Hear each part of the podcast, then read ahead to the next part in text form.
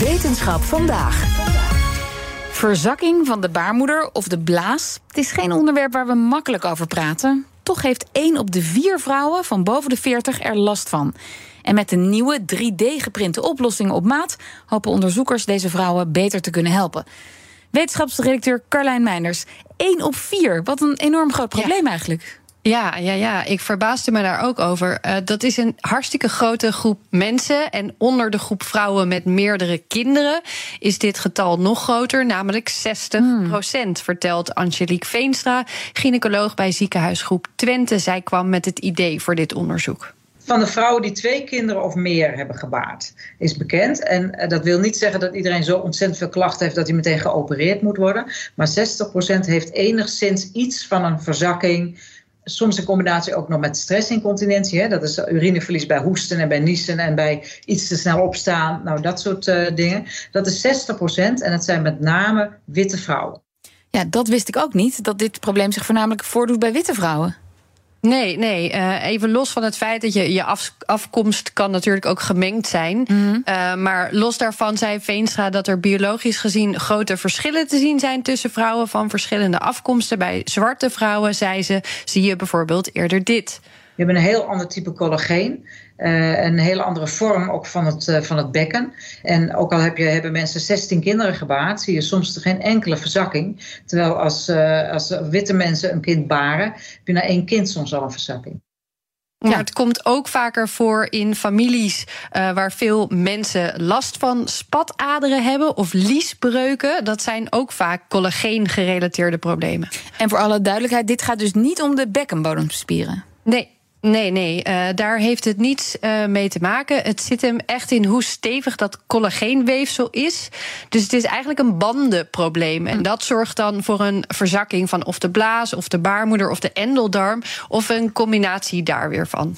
En waarom vonden ze dat er voor deze groep patiënten iets nieuws moest komen? Eigenlijk kwam dat vanuit de patiënten zelf. Uh, is het heel ernstig, dan kan een operatie nodig zijn. Maar dat doen artsen liever niet, want dat helpt vaak niet goed genoeg. Of het helpt maar tijdelijk. Dus veel vrouwen krijgen een pessarium.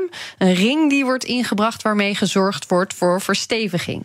Heel veel van deze vrouwen kregen afscheiding van die ring. En die konden de ring er niet zelf uithalen om schoon te maken. Die moesten daarvoor drie keer, of vier keer per jaar naar de huisarts. Nou, heel gedoe. een ander deel van het probleem was dat heel veel vrouwen die ring niet accepteerden. In de vorm van dat ze de ring kwijtraakten of het zat niet lekker. Nou, dan is er inderdaad genoeg ruimte voor verbetering.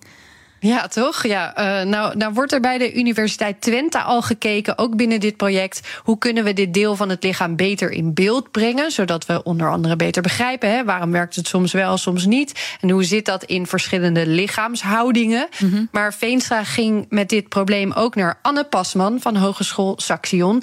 Kon er misschien ook alvast iets nieuws worden ontworpen?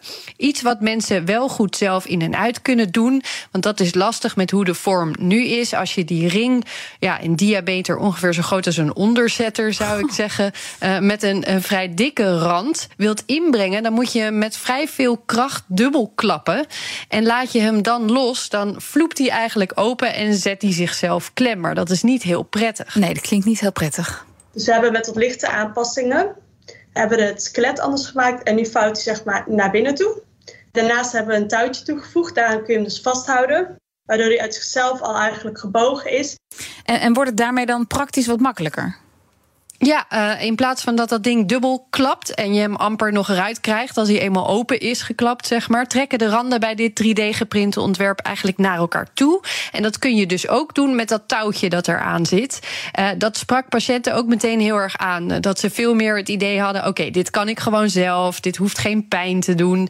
Uh, nou is dit nog niet per persoon op maat. Het probleem daarmee is dat we nog niet goed genoeg in beeld kunnen brengen welke vorm dan per persoon precies nodig is, maar daar wordt al wel aan gewerkt. Kunnen we per parameter dat kan veranderen? Dus bijvoorbeeld uh, bij littekenweefsel een andere lengte, kunnen we daar eigenlijk het pessarium op aanpassen? Zodat als dadelijk meer bekend is, dat we meteen kunnen scannen, zo ziet het eruit. Dat we dan kunnen zeggen, oké, hier zit littekenweefsel, dus hier moet het pessarium er zo uitzien zodat je daarom eigenlijk een modulair passarium in elkaar kunt zetten. Echt op basis van, ja, van de vagina, hoe die eruit ziet. Nou, en dat zorgt, lijkt me, ook voor minder belasting van de zorg zelf.